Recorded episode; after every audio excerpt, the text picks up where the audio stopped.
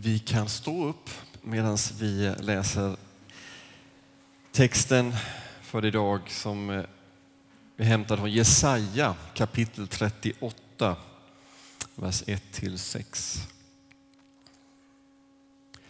Vid denna tid blev Hiskia allvarligt sjuk och profeten Jesaja, Amos son, kom till honom och sa Så säger Herren, se om ditt hus, du ligger för döden, du kommer inte att överleva. Då vände Hiskia ansiktet mot väggen och bad Herre, tänk att jag troget och av hela mitt hjärta har hållit mig till dig. Jag har gjort det som är gott i dina ögon. Och han grät häftigt. Herrens ord kom till Jesaja. Gå och säg till Hiskia, så säger Herren, din fader Davids hus, jag har hört din bön och sett dina tårar. Jag lägger ytterligare 15 år till ditt liv och jag ska rädda dig och denna stad ur den assyriske konungens hand. Ja, jag ska värna denna stad. Amen. Varsågoda sitt.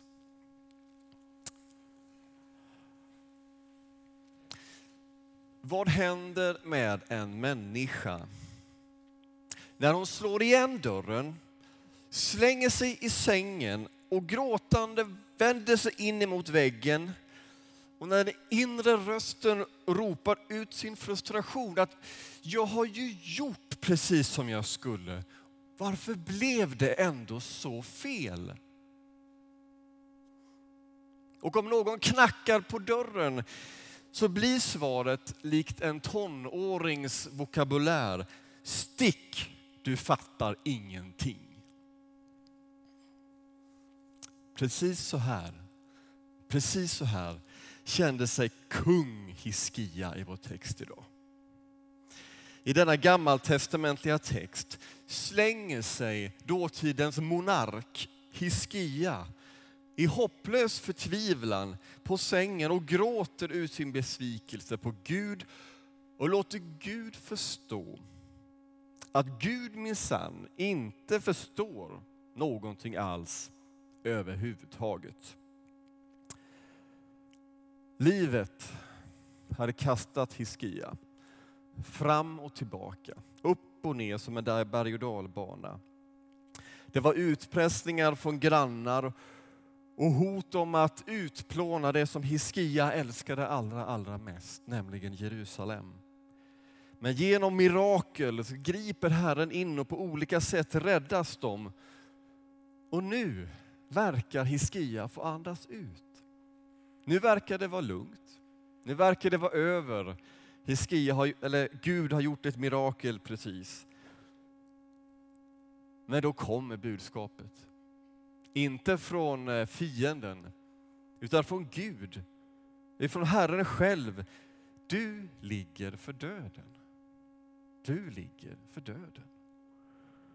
Hiskia var jättesjuk. Det verkar som eländet aldrig tog slut. Och det är inte konstigt att Hiskia lägger där med ansiktet vänd mot väggen och gråter ut sin bön. Ingen förstår liksom vad han går igenom. I sitt ledarskap som kung, på toppen är det ensamt. Ingen kan fatta vad han nu går igenom i detta nu. Inte ens Gud verkade förstå honom.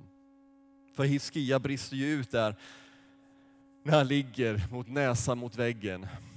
Herre, tänk på att jag troget och av hela mitt hjärta har hållit mig till dig. Jag har gjort det som är gott i dina ögon. Jag ligger där själv emellanåt. Inte i sjukdom kanske, men mer andligt. Jag ligger där själv och jag försöker med bästa förmåga få livet att gå ihop. Få livets andliga dimension och resa att fungera. Men så slår jag i tån, lilltån, i någon av livets vassa hörn. Och det gör ont. Det gör så ont. Att jag just prickade det där hörnet som jag vet finns där och jag har gjort det förr och jag vet hur ont det gör. Men likväl så verkar jag inte lära mig. Och jag slänger mig på sängen likt Hiskia och jag ropar till Gud och undrar vad han är. Jag vänder allt ryggen, näsan mot väggen och frågar mig varför. Och så kommer Gud och sen knackar han på dörren och sen vill han mig någonting. Och då utbrister jag, har inte jag tjänat dig troget? Har inte jag varit helhjärtad? Har inte jag gjort precis som jag skulle, det, jag, det du sa? Och det här säger jag trots att jag innerst inne vet att den Gud som frälst mitt liv och har lovat att vara med mig till tidens slut, att han aldrig sviker mig, att han aldrig, aldrig viker från min sida, att Gud som alltid finns där är med mig. Innerst inne är detta min stora övertygelse i livet, att Gud är med mig. Men ändå gör jag så. Och att Gud inget hellre vill än att få mitt liv på, på rätt köl igen. Att Gud vill sätta mig fri. Han vill befria mig från det som vill förstöra. Han vill befria mig från det som vill göra mitt liv fult. Därför att Gud vill mitt liv det vackra. Och då får Hiskia höra från Herren genom profeten. Då får Hiskia höra de där orden som jag är övertygad om att han aldrig kommer att glömma. Där han får höra de här efterlängtade orden som vi i våra liv lyssnar efter. Och vi undrar, och vi hör dem sällan kanske, men nu hör vi dem, så lyssna nu. Här kommer de. De är från Herren och de är till dig. Jag har hört din bön och sett dina tårar. Jag har hört din bön och jag har sett dina tårar. Detta är kärlek. Detta är ren kärlek och omsorg. Att Gud bryr sig om sin människa. I veckans Jönköpings-Posten har det debatterats om om Gud existerar eller inte. Jag vet inte om ni har följt den här debatten, den verkar liksom inte ta slut. Och detta beroende på hur viktigt det är om Gud existerar för huruvida man ska ha religionsundervisning i skolan eller inte. En debatt som är lite löjlig en debatt som bygger på sån okunskap. För om man lever sitt liv nära människor av andra religioner, av andra kulturer och vet vilken problematik det är med integration och få att förstå varandra så vet man hur viktigt det är att veta om vilken religion, vilken kultur som finns. Och det är inte mindre religionstimmar som behövs i skolan. Det är mer, mycket mer för att vi ska få vårt mångkulturella Sverige att gå ihop. Så om Gud existerar eller inte, varför, varför denna fråga?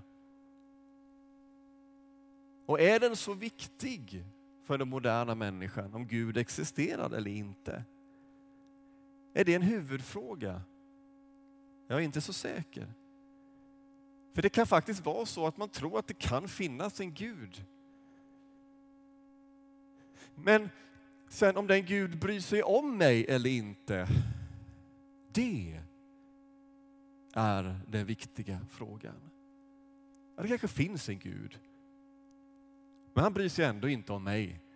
Jag ligger ändå där med näsan mot väggen och, och ropar ut min frustration. Han verkar ändå inte bry sig, så vad spelar det för roll om Gud existerar? Kan människan säga. Men vår text idag säger någonting annat. Vår text idag säger att det finns en Gud som vill vårt liv, som vill svara på våran bön därför att han har sett våra tårar och hört våran bön. Det stora i texten idag det är inte att Gud existerar. Det stora är att det finns en Gud som bryr sig. Vad var det som hände egentligen när Gud svarade på Iskias bön? Gjorde Hiskia någonting? Presterade han någonting? Visade han sig duktig på någonting? Nej, inte alls. Tvärtom så vände han ju Gud ryggen och ropade in i väggen ut sin besvikelse. Och då kommer Gud och lär honom och oss vad nåd är. Barn döljer heller inte sin besvikelse, precis som monarker och kungar inte verkar dölja heller. I sommar så bröt vår son sitt nyårslöfte. Ett löfte om att hålla uppe med godis under ett helt år. Efter sex månader gick det inte längre. Nej.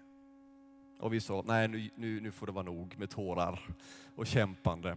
Det räcker nu, du har klarat ett halvår. Ja, sa han. Och så bröt han sitt godislöfte. Och så var det så att vi hade lovat honom en summa pengar för hela det här året och nu sa vi du får halva den summan för du har lyckats halvvägs. Men så var det så att han hade ju tänkt och sparat ihop till en viss sak som kostade den här summan och nu fick han halva summan. Ni förstår besvikelsen. Det blev mycket tårar och han ligger i sin säng slängd med näsan mot väggen och vi hör hans klagan och vi ser hans tårar. vi ser att han är tyngd av detta. Så en dag när vi är ute och åker så svänger jag in till den butik där den här saken finns och vår son undrar varför vi ska åka dit för. Jag svarade att jag vill bara se hur mycket det där kostar egentligen. Kolla priset liksom. Jag går in och han följer efter mig med tunga steg. För han vet, han kan inte få det han längtar och vill ha. Och jag letar efter en expedit och, sonen han är irriterad och vill bara gå därifrån för det är bara jobbigt att vara där. Jag hittar en expedit som hjälper oss och, och så frågar jag vår son vad, vad vill du ha för färg? Vilken sak det är ju inte relevant. Vad vill du ha för färg? Jag vill ha en sån färg, säger han. Och så tar jag upp den under min arm och sen går jag mot kassan. Nu ska vi gå och betala, säger jag. Och då blir han ännu mer tyngd. Han liksom kan knappt gå, han står så här och hänger. Och jag frågar, vad är det nu? Vi ska ju köpa den. Ja, men min skuld till er kommer bli mycket stor. Så det verkar inte hjälpa detta jag hade tänkt. Så jag sätter mig ner honom där på golvet i butiken han inte vill gå en meter till. Och så förklarar jag, ja det är så här att vi vill ge dig resten som en gåva. Din mamma och jag. Vi har pratat om det här och vi vill göra så. Så även om du inte har lyckats ett helt år så har vi bestämt oss att även om du inte lyckades och klarar det så vill vi ge det till dig ändå. Och vi betalar, vi går ut ifrån butiken. Sonen är tyst. Han är glad men han är tyst. Han är tacksam och mycket snurrar i huvudet. Att tänk att det ändå blev så. Det jag inte trodde. Jag är medveten om att denna illustrationen väcker en del frågor om man drar den för långt. Den är ganska materialistisk och problematiken om man gör det här varje dag blir väldigt jobbigt. Men dra inte bilden för långt utan se poängen. Att Gud ser på ditt och mitt liv annorlunda. Ifrån ett annat perspektiv, ifrån en annan horisont. Du och jag ser rakt in i en vägg. Men Gud genom evangeliet, Jesus Kristus, har en befrielse. Att det finns en frihet som han vill använda och lyfta vårt liv och befria oss upp och lyfta oss upp högre med sin styrka, med det han kan göra. Han vill torka tårarna ur våran blick så att vi ser det han ser. Att vi ser att livet är evigt, att kärleken är odödlig och att döden inte är mer än horisonten. Och horisonten är inte mer än vad vi kan se med våra egna ögon. Och när Gud drar oss nära sig och håller oss nära, sig nära och bryr sig om oss, hör våran bön och ser våra tårar, då lyfts vi upp till hans perspektiv. Och då kan vi förstå att han älskar oss som vi är. Jesus valde att bota den krokryggiga kvinnan på en sabbat. Det är klart han valde en sabbat. Det är klart han valde att liksom sätta den religiösa eliten liksom på spetsen och vad man kan göra och inte. Det där som ville tynga ner, som ville begränsa, trycka ner. Och så gör han det. Och så befriar han från sjukdom. Men samtidigt så befriar han från lagens bud och som trycker ner. Och Jesaja skriver senare kapitel 58 och 6. Nej, detta är den fasta jag vill se, alltså den gudstjänst jag vill se. Att du lossar orättfärdiga bojor, sliter sönder okets rep, befriar det förtryckta, krossar alla ok. När vi trycker näsan mot väggen ser vi inget annat än en vägg av förljuget mörker. Men när Herren knackar på våran axel så är det dags att hoppa upp ur sängen och bejaka befrielsens ord i evangeliet. Jag har sett, jag har hört din bön och jag har sett dina tårar. Amen.